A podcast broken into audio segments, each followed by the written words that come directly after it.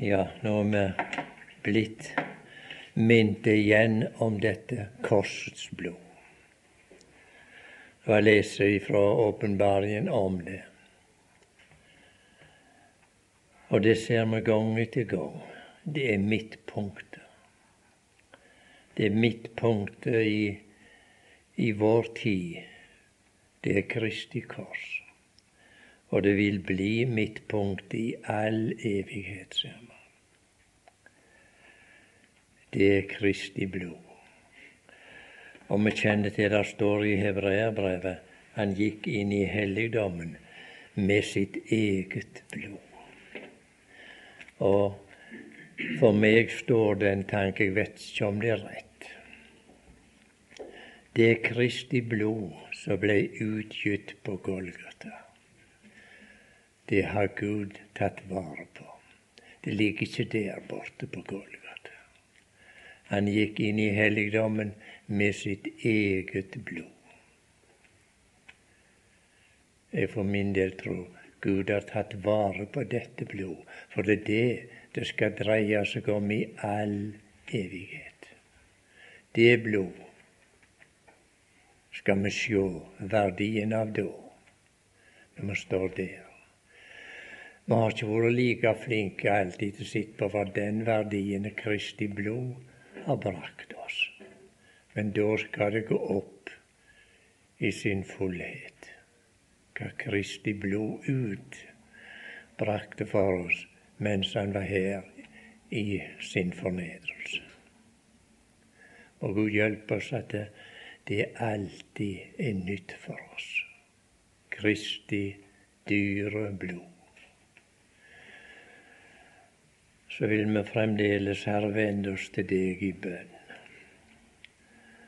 Om at dette må bli større og større for våre hjerter, hvor dyrt kjøpte vi. Du minner oss om det gang etter gang. Mer dyrt kjøpt er derfor Gud i eders legeme. At det må vi i vår utlendighetstid i våre legemer. Ære deg, Herre, for den pris du har betalt for oss. Vil du la Den hellige ånd få lede vårt syn opp til den evige verden i liten stund mens vi er samla her. At vi får sjå deg, Herre. Og løfte vårt sinn og vår tanke i påvente på den dagen når de skal sjå deg sånn som du er. Du som var her, og du som tok bort våre synder. Så skal vi være i din nærværelse, og skal vi nyte deg i all evighet, Herre. For du utgytte ditt blod for oss, til frelse og så lever vi nå i denne lukkelige nådens dag, når de kan ta imot det, Herre.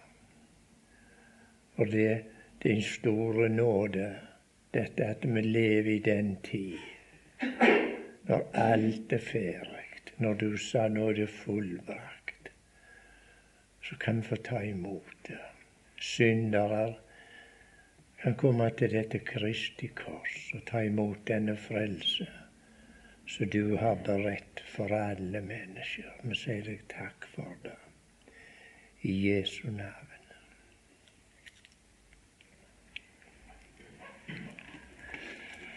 Rett før jeg gikk her i dag, så ringte en Gunder.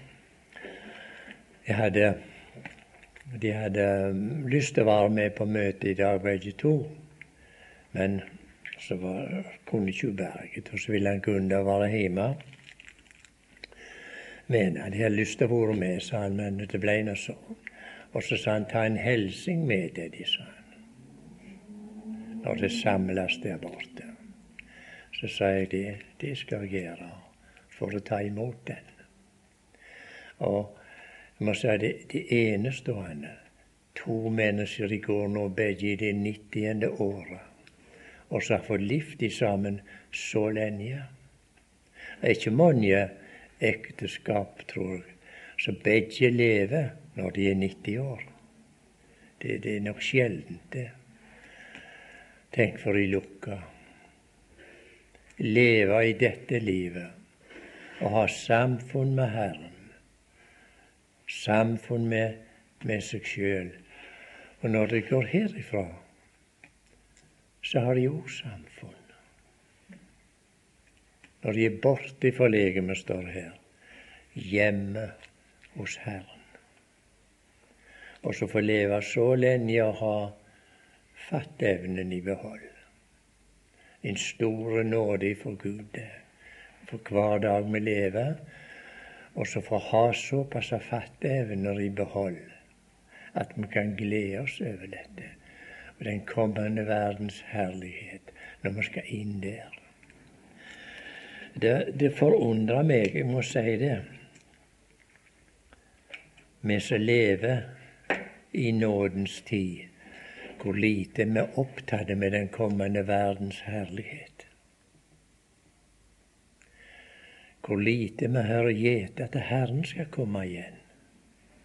Det er vel ikke annerledes der det går og, og, og vandrer enn det der jeg går.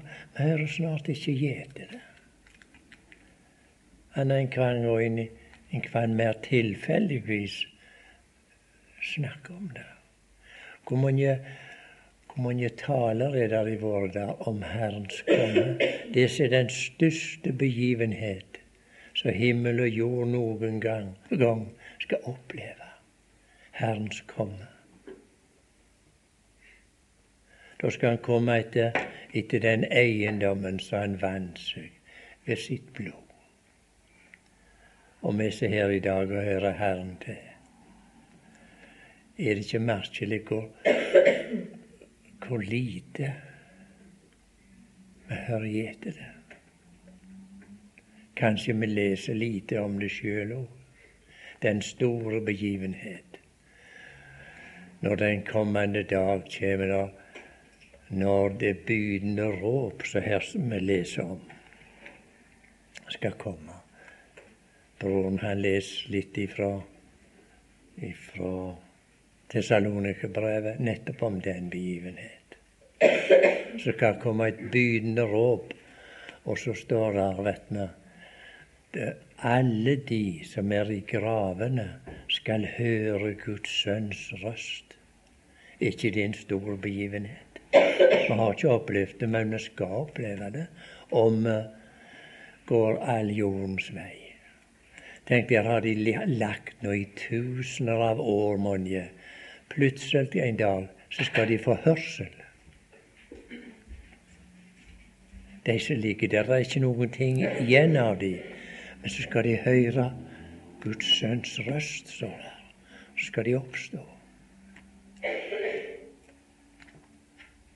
Tenk for et håp. De som hensover i Kristus, for et håp vi har.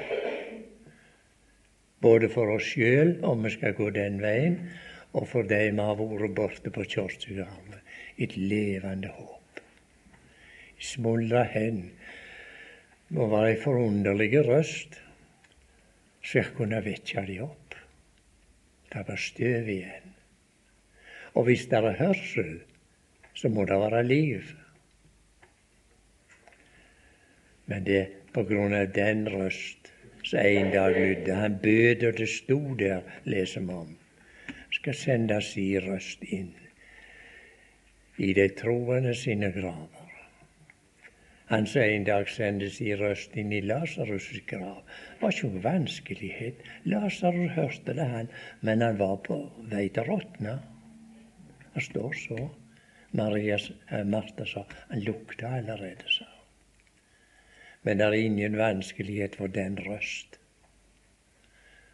Når han kaller ut, så kommer de. Så vet vi det står i den forbindelse, så skal vi som ikke gått inn i døden, skal vi forvandles, står. I et nu, i et øyeblikk. Det er den, det er den begivenhet som står for døra, og den er nok nærere enn vi kan tenke oss. For Gud har ikke gitt oss noe bestemt eh, skal vi si merke på at Han i sin tilkommelse kommer snart. Men det Han har gitt oss merke på, det er alt som skjer rundt. Og som vi ser i dag former seg til, som skal bli etter Hans komme. Da må vi bein fram si at det er et under at vi ikke har vært. Når vi ser på de tingene. Og vi tenker på de forberedelser menneskene i våre dager forbereder seg det ene til det andre.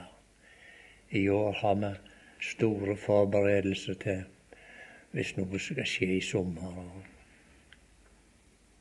Angående de, disse ting når kristendommen kom. Nå skal ikke vi kritisere, det er ikke det, men vi tenker de forberedelsene de gjør til den begivenhet.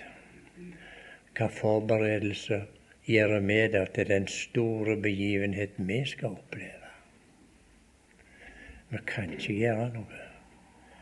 Men eh, det vi kan, kan fortelle folk at han kommer snart.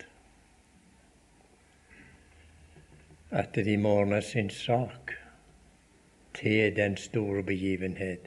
At de ikke blir liggende i gravene. For det kommer en dag når de òg må opp. Men det heter dommens oppstandelse. Og vi forstår at det er nokså mye uklart iblant Guds folk på det området. Gud har gjort det klart er noe sett heter de rettferdiges oppstandelse og de ugudeliges oppstandelse. Godt er det at det er Han som sto opp og brakte liv og uforgjengelighet fram for lyset ved evangeliet. Han har sagt, Se, jeg kommer snart, og min lønn er med meg for å gi enhver igjen ettersom hans gjerning er. Det er det vi kaller det salige håp. Hans komme, han som var på korset. Han kommer igjen. Men han kommer ikke ned denne gangen, sier Markus ord. Han kommer i lufta en plassen. Og så gjør han det på den forunderlige måten. Han tar opp oss til møte med seg. Og så står det så skal vi alltid være med Herren. Dette kom jeg inn på når jeg tenkte på de to, de to gründerne berget. Leve sammen i dette livet her, av samfunn med Herren og blir rykt ut herifra hva måte det blir nå på ene eller andre. deler samfunn i all evighet. Er vi ikke da et lukkede folk som kan ha det slik? Og legge oss ned i forvissning hver kveld. Kjem han i natt, så er det vår lukka. Men vi har noe som binder igjen den siste fortøyningen, er ikke godt ennå for oss. Vi har noe rundt oss og iblant oss som vi ber for. Og så lenge vi er her og knyttet til livet, så har vi den nåde. Vi kan bære det fram i bønn. Og så har Gud gitt oss den fortrøstning det er ikke fånyttes. Vi syns mange tider det ser så fånyttes ut, men det er ikke det. Derfor har han sagt 'vær vedholdende i bønnen'. Vedholdende. Hvis Sjavol Gagni, så hadde han ikke bitt oss om å være vedholdende i bønnen. Ja, ja, nå Nå gikk det noe tid til det, men skal vi lese i lag Guds ord ifra ifra 2. Peters brev. 2. Peters brev.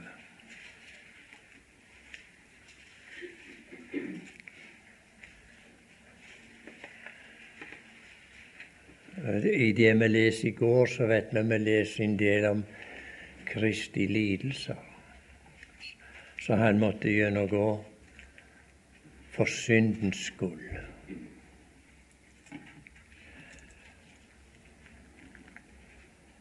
Og vi leser i Guds ord at det, det er tilknytt Kristi lidelser er det alltid tilknytt en kommende verdens herlighet. Det er uatskillelig, det. Først kommer lidelsen, og så kommer herligheten. Det samme blir vi gjenstand for. I dag er det lidelsens tid vi er inne i. Men som de det hører Herren til, så er det knytt en kommende dags herlighet til de som har lidelser i denne verden. Og det går ikke an å være et barn av Gud og vandre gjennom denne verden og ikke ha lidelser. Det er en umulighet. For den nye natur som vi har fått, og den er av Gud, og den må li. Vi har så lett for å tenke når det er lidelser, det ytre, sånn håndgripeligheter, så, så, så blodsutgytelser og, og, og torturer. Det hører med, det òg. Men er det noe som heter indre lidelser. De har vi ifølge den natur vi har fått av Gud, for den kan ikke trives her i denne verden. Det er en umulighet. Du vet, vi leser om Lot når han var i Sodoma. Så står det han led eh, daglig pine i sin rettferdige sjel når han så og hørte det som foregikk. Nå levde han Han hadde flyttet like inn i dette her. Men tross det så står det han led dag og natt i pine i sin rettferdige sjel når han så og hørte alt dette her.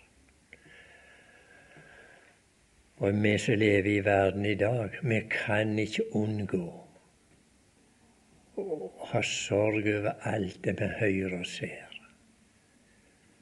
uten at vi, vi, vi, vi lir av det. Det er noen år siden jeg arbeidet sammen med en mann, en troende mann. Og han hadde en sånn arbeidsplass. Å, sa han, jeg kvir meg hver dag til å gå på arbeid. Det var så kjekke arbeidskamerater sånn som det kunne være. Men når han, når han hørte på det språk de førte, sa han, skar han i hjertet for han hørte Herren til han. Det er bare ett område, men alle de andre områdene kan jo ikke jeg uttale meg om. Men det vet de, de som har sånne arbeidsplasser, hvor ugudeligheten blomstrer til å være et barn av Gud, og så være planta der. Det må være en lidelse. Så har vi et utall av andre lidelser sorger og bekymringer av alle slag. Sjukdommer, ja, hva det ikke er. Det er lidelse overalt. Men så har vi det salige håp. Det skal ikke alltid være så. Så er det noen som har tapt sine. I velvitende om de er hjemme hos Herren men da skal vi være med opp. Ja, skal vi, skal vi lese ifra annet Peters brev, ifra kapittel fire, og der leser vi fra første verset. Det tar våre tanker tilbake til det vi leste i går. 2. Peters brev 4. Da nå Kristus har litt i kjøtet, så væpne òg i eder med den samme tanke, at den som har litt i kjøtet, er ferdig med synden. Er ikke det et forunderlig ord, særlig Guds ord er? Da når Kristus har litt i kjøtet, så væpne òg i eder med den samme tanke, at den som har litt i kjøtet, er ferdig med synden. Så kan vi spørre er det vi som er ferdige med synden. Og langt derifra. Vi er ikke ferdige med synden. Men her er Han som er ferdig med synden. Han kom her for å gjøre Guds vilje og bli ferdig med synder. Og når han hadde fullendt den gjerning, så sa han Siste han sa før han for, det er fullbrakt. Det var det som han kom her for å gjøre. Nå, Gud, nå har jeg gjort det. Nå er det fullbrakt.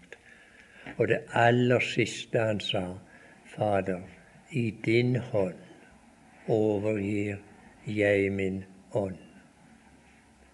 Så reiste han. Da var det fullbrakt, fullferdig. Og så oppmuntrer Gud oss til på denne måten. Vi leser det igjen. Når når Kristus har litt i kjøtet, så væpne òg i eder med den samme tanke, at den som har litt i kjødet, er ferdig med synden. Han er ferdig. Han har gjort det ferdig. Og nå sier Guds ord nå skal det òg væpne dere med den samme tanken at han som har litt i kjødet, ferdig med synder. Guds ord sier vi er rettferdiggjort i Sønnen, i Han. Og så er vi òg ferdige med det. Er vi ikke det? Han tok bort synden ved sitt offer, står det i hebreerbrevet. Og det var bare ett offer. Og med ett offer har han for alltid gjort dem fullkomne som blir helliget. Er det ikke da godt at Guds ord oppmuntres til dette? væpna dere med den samme tanken. Altså dette væpna Jeg vet ikke noen annen måte å si det på. jeg at Når de skulle ut i krig, ikke sant, så væpna de seg med, med, med At det skulle være noe som verna de. Væpna dere med den tanken, sier han. Den som har litt i kjøtet, er ferdig med synden. Gud er så fornøyd med det Sønnen har gjort. Gud sier, 'Jeg er ferdig med det'. Han har rettferdiggjort oss i Sønnen. Og derfor står det dersom noen er i Kristus, så er han en ny skapning. Det gamle er forganget. Alt er blitt nytt. Nå vet vi det er noen som synes det er nokså lettsinnige tale, dette her. Men Guds ord sier det. Og så vil Gud vi skal leve i den forvissning at det syndespørsmålet er ordna, det. Det var ordna lenge for du og jeg var født. Ifra evighet av hadde Gud bestemt at det kom til Kristi kors. Og da sa han ved dette er Guds kjærlighet åpenbart iblant oss. At Gud har sendt sin sønn til verden for at han skulle ta bort syndene. Og nå har han gjort det. Og så er det så godt å vite her når apostelen skriver nå skal det òg, så han væpne dere med den samme tanke, at han sa litt i kjøtet ferdig med synda. Kjem ikke tilbake mer for å gjøre noe mer. Det er gjort. Men dette her kan vi ikke ta imot med mindre enn de tror. det ved tro, står det, skal den rettferdige leve. Og Gud har lagt det sånn til rettes for oss at vi kan ta imot det i tro.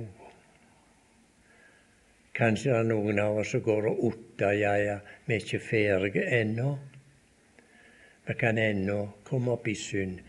Ja, det kan vi. Men de syndene som vi kan komme opp i, de er jo vi her. Er det ikke det? Gud hadde, Gud hadde synder for seg, han. Det står vel i hebreerbrevet. Skal vi se om vi kan finne det. Det kommer så mange tanker og vi kan ikke, kan ikke alltid holde styr på det. Men vi kan slå tilbake i Guds ord og se.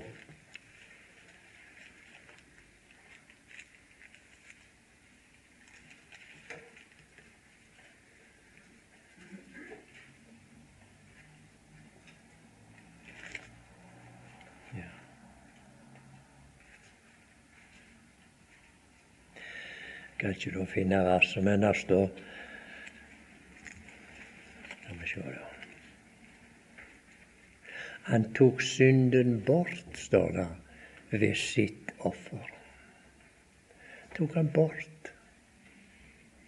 For Guds åsyn sitter inni oss synd når han ser på deg og meg, vel og merke i Kristus. Han har ingenting å utsette på oss.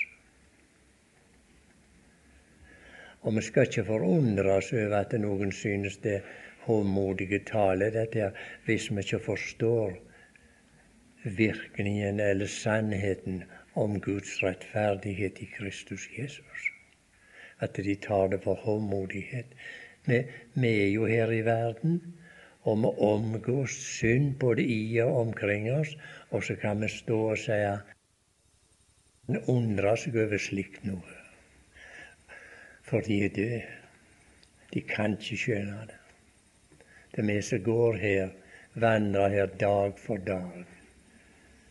Vi lever i en verden som er full av synd, og samtidig så kan vi være rene og rettferdige. Ja, det er et Guds under, verken mer eller mindre. Men vi leser i Efeserbrevet om dette kanskje kunne finne det, da.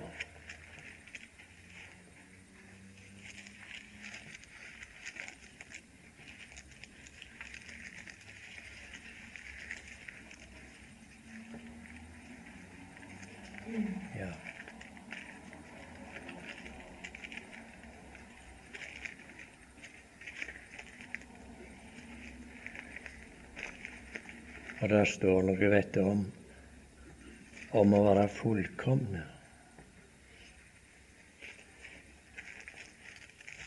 Med, med fullkomne i Hans fullkommenhet.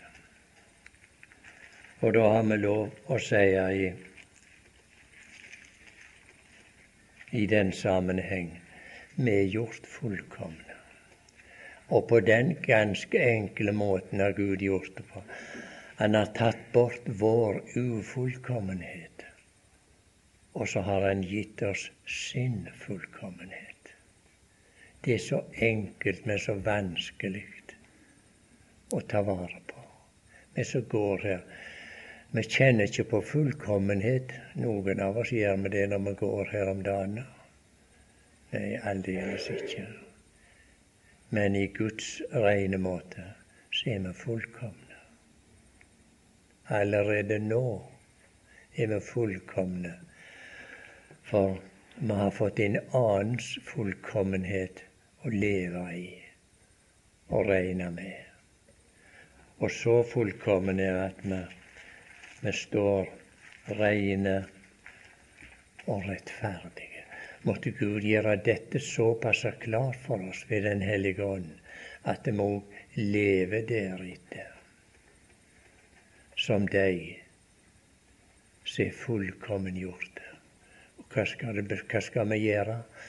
Jo, det eneste vi kan gjøre, det er å bli fylt med takknemlighet. Det er Han som har gjort det. Og Guds ord sier det er underfullt for våre øyne. Og det er det. At vi kan leve og bevege oss i denne verden og komme inn for Guds åsyn i bønn om dagen og sier her kommer barnet ditt, Gud. Jeg er fullkommen rein, jeg. Jeg er så rein som sønnen din. Han har sagt det. Vi er så reine som han er. Og da kan vi gå inn i Guds nærværelse uten å frykte noen ting. Kan vi ha samfunn med han på dette grunnlag. At det er gjort, var sang vi ikke i sangen her, det er gjort alt som gjøres kan.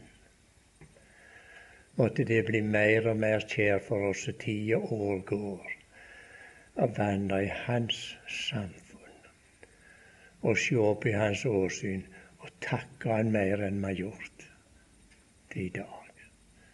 For den nåde Han har sett oss i. Og så har vi det herlige håpet. Vi skal snart møte Han. Og vi behøver ikke gå her med anke og uro for å møte Han. Vi kan møte Han i Kristus Jesus med Guds velbehag over oss.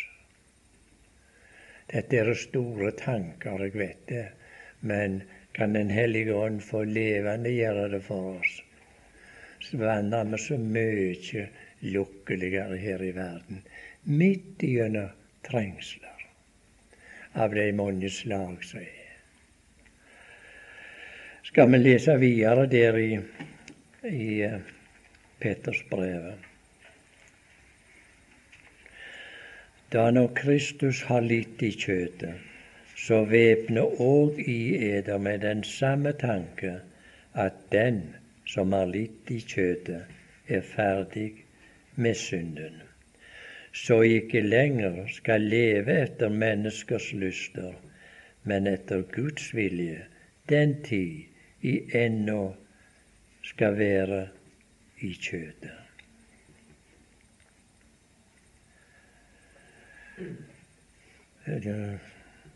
For det er nok at i den fremfarende livstid har gjort hedningenes vilje i det ferdes i skamløs, skammeløshet, lyster, fyll, svir, drikk og skammelige avgudsdyrkelser.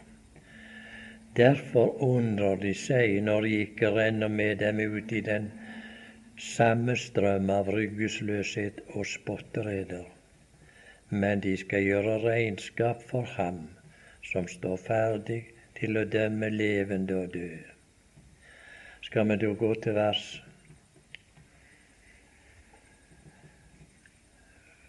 Skal vi se vers 10. Ettersom enhver har fått en nådegave, så tjen hverandre med den som gode husholdere over Guds mangehånde nåde. Om noen taler, han taler som Guds ord. Her vil jeg si en veldig formaning om noen taler, enten det er fra en talerstol eller det er fra en annen stol, uansett. Om noen taler. Han taler som Guds ord. Som Guds ord. Veldig ansvar. At vi ikke forkludrer Guds ord med våre tanker og våre prinsipper og alt dette her mange ganger. Og du, hvordan vi fordunkle Guds ord. Jeg har nå visst sagt det før. Jeg, ja, jeg vet jeg har gjort det, men det får nå våge. Så det går an å si det om igjen. Det var en, en misjonær her for noen år siden. Han, var, han kom fra Japan. Så hadde han en unge japaner med seg. Og han misjonæren han, hadde han med seg på reis her i Norge. for han han skulle få se de folk som drev med misjon der borte i Japan. Dette her var en svært intelligent ung mann han hadde med seg. Han tok snart etter språk. Og så var det en dag Ja, misjonæren han tolka naturligvis i begynnelsen. Men så var det en dag han fikk for seg denne unge mannen om han ikke kunne få gå på talerstolen sjøl, uten tolk. Misjonærene ble overgitt, som jeg godt kan forstå. Og når denne unge mannen kom opp, så, ja, så leser han et stykke av Bibelen, og så, og så la han den sånn til sides. Og så bøyde han seg framover talerstolen, og så sa han i dag skal jeg fordunkle evangeliet for eder. Ja, ja, vi kunne tenke at vi skulle le med det, men han var bare litt uheldig, han. Han sa i dag skal jeg forkynne evangeliet for dere. Men så var han så uheldig. Han traff et annet ord, og sa han fordunkle det. Skal undre meg på om ikke det er tilfellet jevnt med oss. At vi fordunkler denne guddommelige, klare sannhet. fordunkla med våre opparbeidede ideer og Ja, ja, vi har hørt ifra andre. Her er det så klart som evangeliet er. For i det evangeliet er ikke noe dunkelt, men der er det klart. Ja, ja, det blir avbrytelser, men vi får finne fram igjen der vi var. Om noen taler, han taler som Guds ord. Om noen tjener i menigheten, han tjener som av den kraft Gud gir, for at Gud må æres i alle ting ved Jesus Kristus, Kristus, Han som æren og makten tilhører i all evighet. Amen. I elskede, undre eder ikke over den ild som kommer over eder til prøvelse, som om det hendte eder noe underlig. Undra, dere ikke over det, sier apostelen, at det kommer over dere som prøvelser, den ild som kommer over eder som prøvelser. Men i samme mon som vi har del i Kristi lidelser, skal jeg glede eder for at i også i Hans herlighets åpenbarelse kan glede eder med jubel. Å nei og nei, hva Gud har gitt oss i sitt ord. I samme mån som vi har del i Kristi lidelser.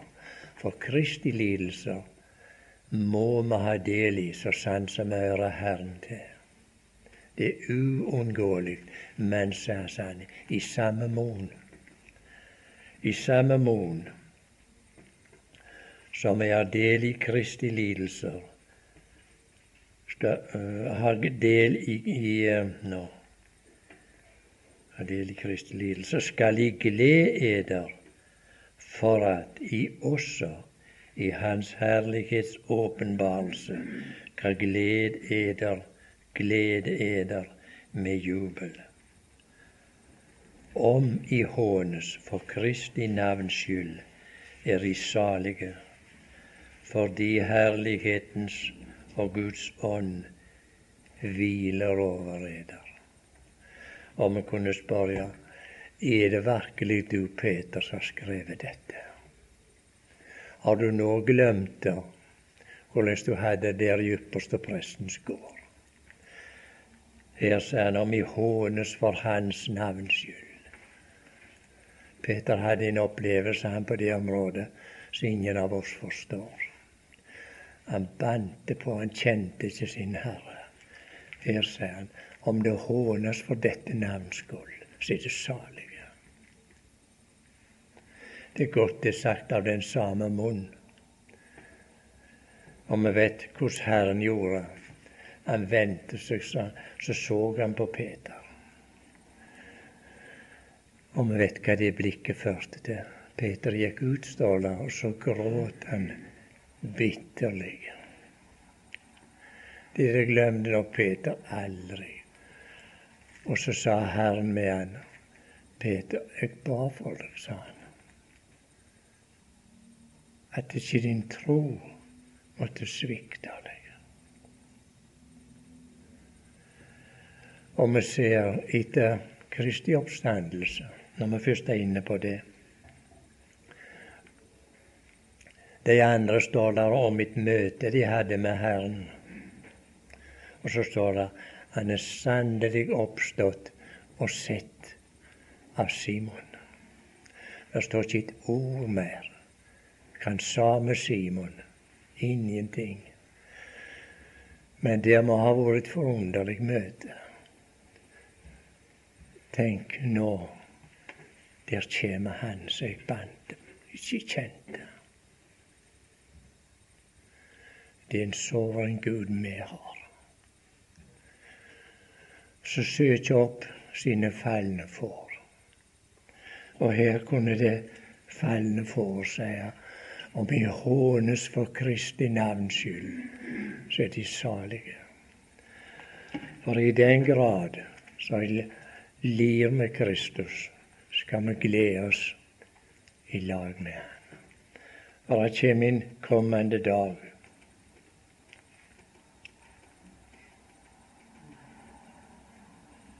Vi se hva vers det var, da. Ja, vi kan fortsette å lese ut der. For ingen av eder må li som, som uh, Bibelen min er så sånn slitt man gjør. Jeg har ikke lyst til å skifte. Jeg håper han heller meg ut. Jeg er så god venn av den gamle Bibelen. Jeg syter med å måtte skifte, men det kan jo hende jeg må.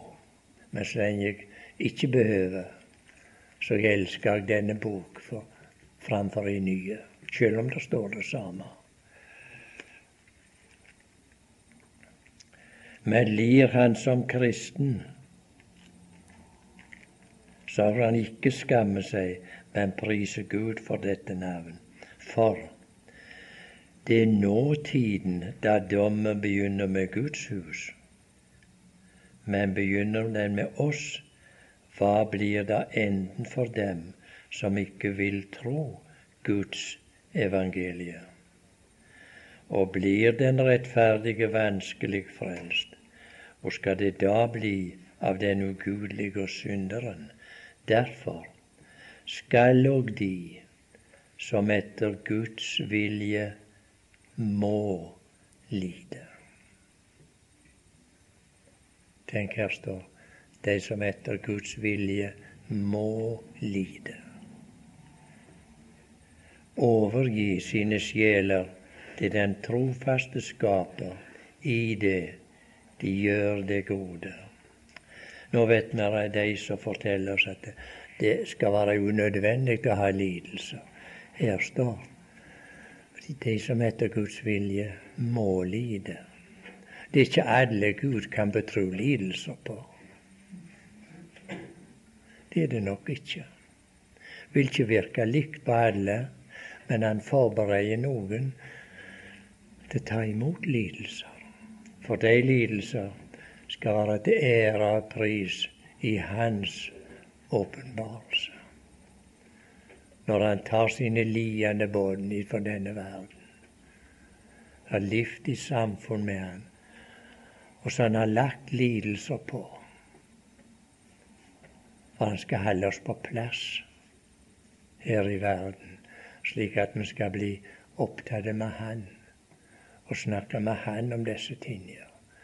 For han vil dra oss inn til seg på så mange måter. Så leser vi videre i neste kapittel. Her kommer Peter med en Hva skal vi si da? Ikke noe nyhet, men han friska det opp for oss. De eldste blant dere formaner jeg som medeldste, og vitne om Kristi lidelser, som den som òg har del i den herlighet som skal åpenbares. Her sa han, jeg er som medeldst iblant dere og vitne om Kristi lidelser. Men han stoppa ikke der. Som den som òg har del i den herlighet som skal åpenbares. Vi vet at Peter var et øyenvitne han til Kristi lidelser. Han var jo med Herren hele veien. Og hvis det er noen som så kan komme på det, så vil vi si at det må nettopp være Peter. Tenk han sto der ved Kristi kors. Og så hadde han behandla sin Herre på den måten. Var det noen som har minne etter det, så må det være nettopp denne mann.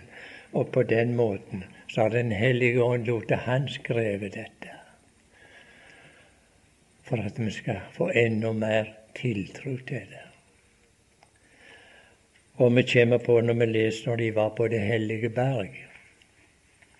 Så sier Peter vi var øyenvitne med, sa han, til hans storhet. Vi vet hvem som var der. Da var det Peter og Jakob og Johannes.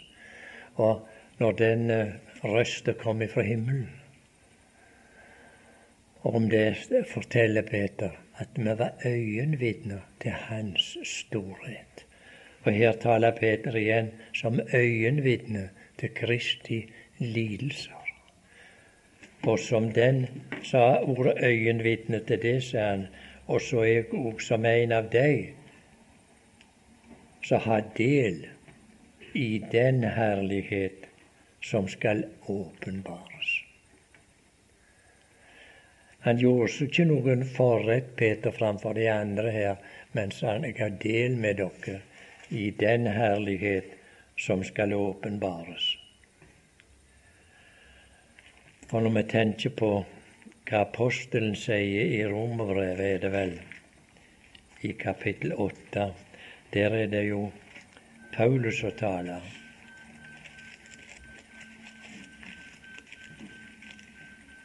vi sjå I Romerne åtte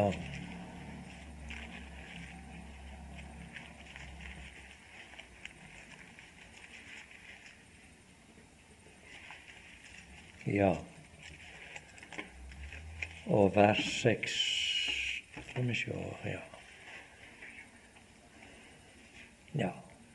La meg ta fra vers 17, Romerne 8, 17.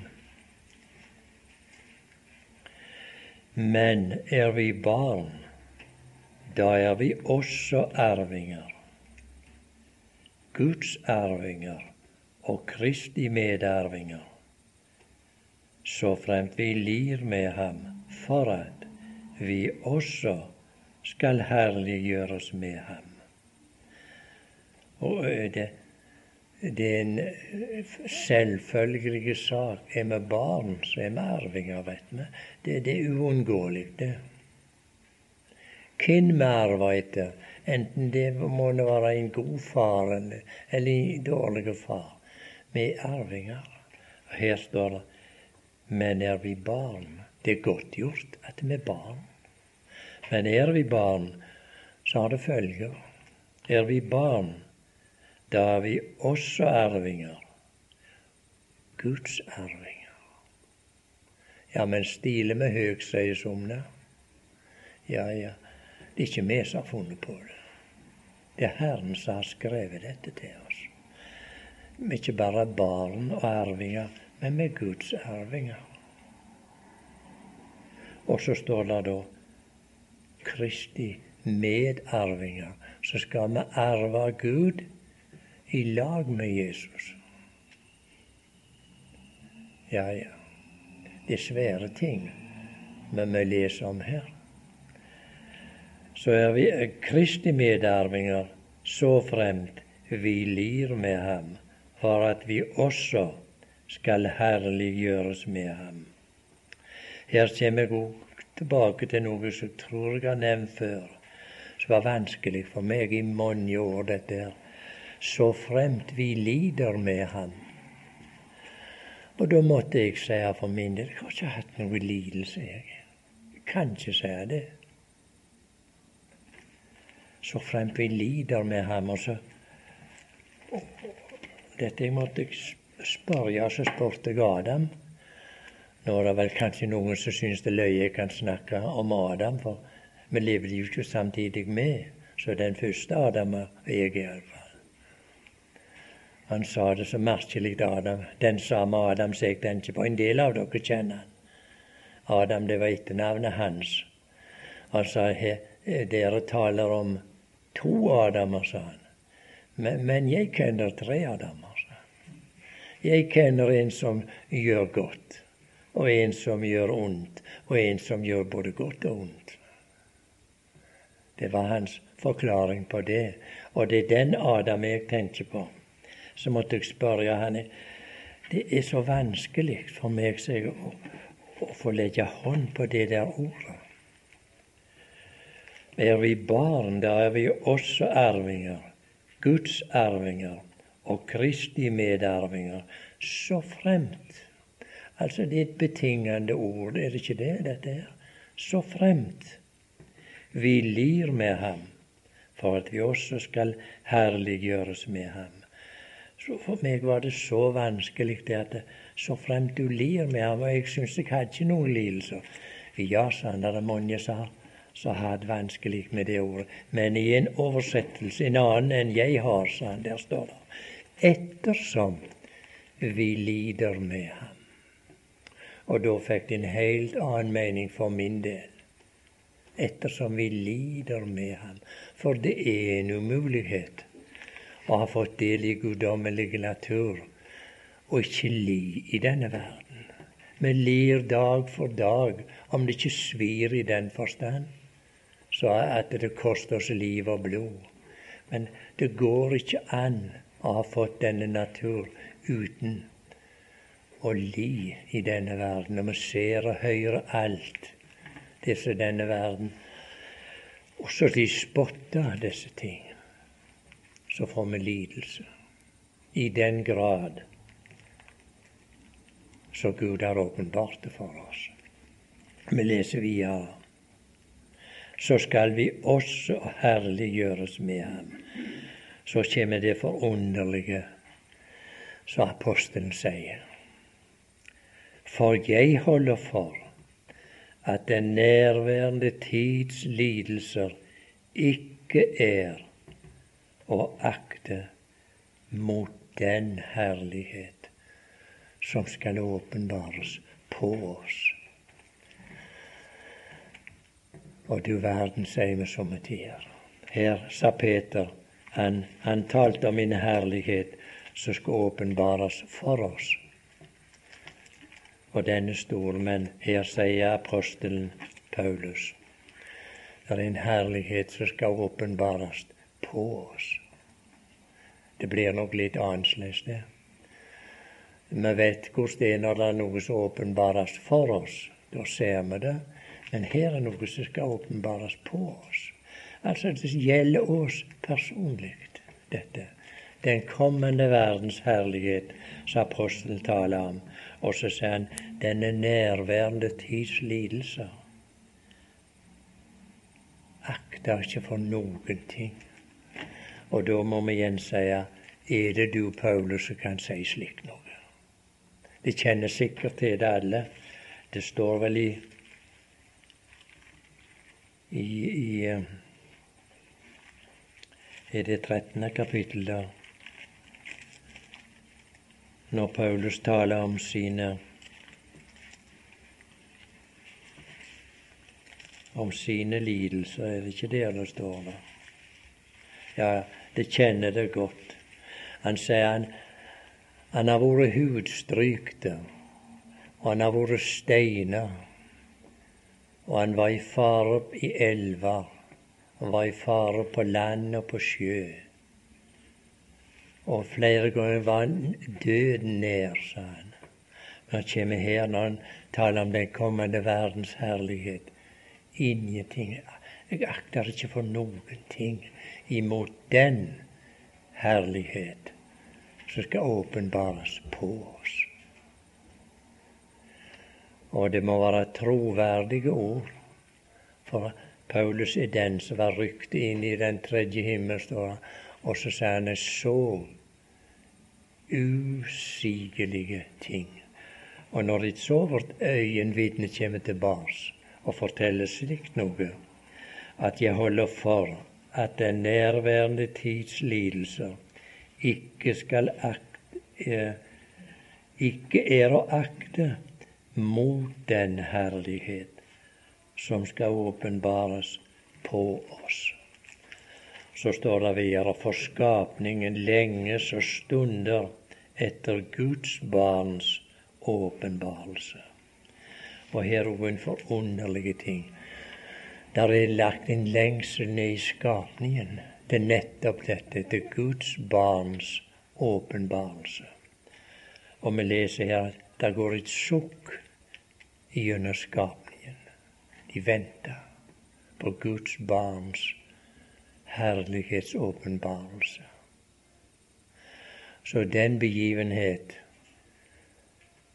den skal du og jeg få være med i, på grunn av Han som har gjort oss skikka til å få del i dette her ved troen på Ham.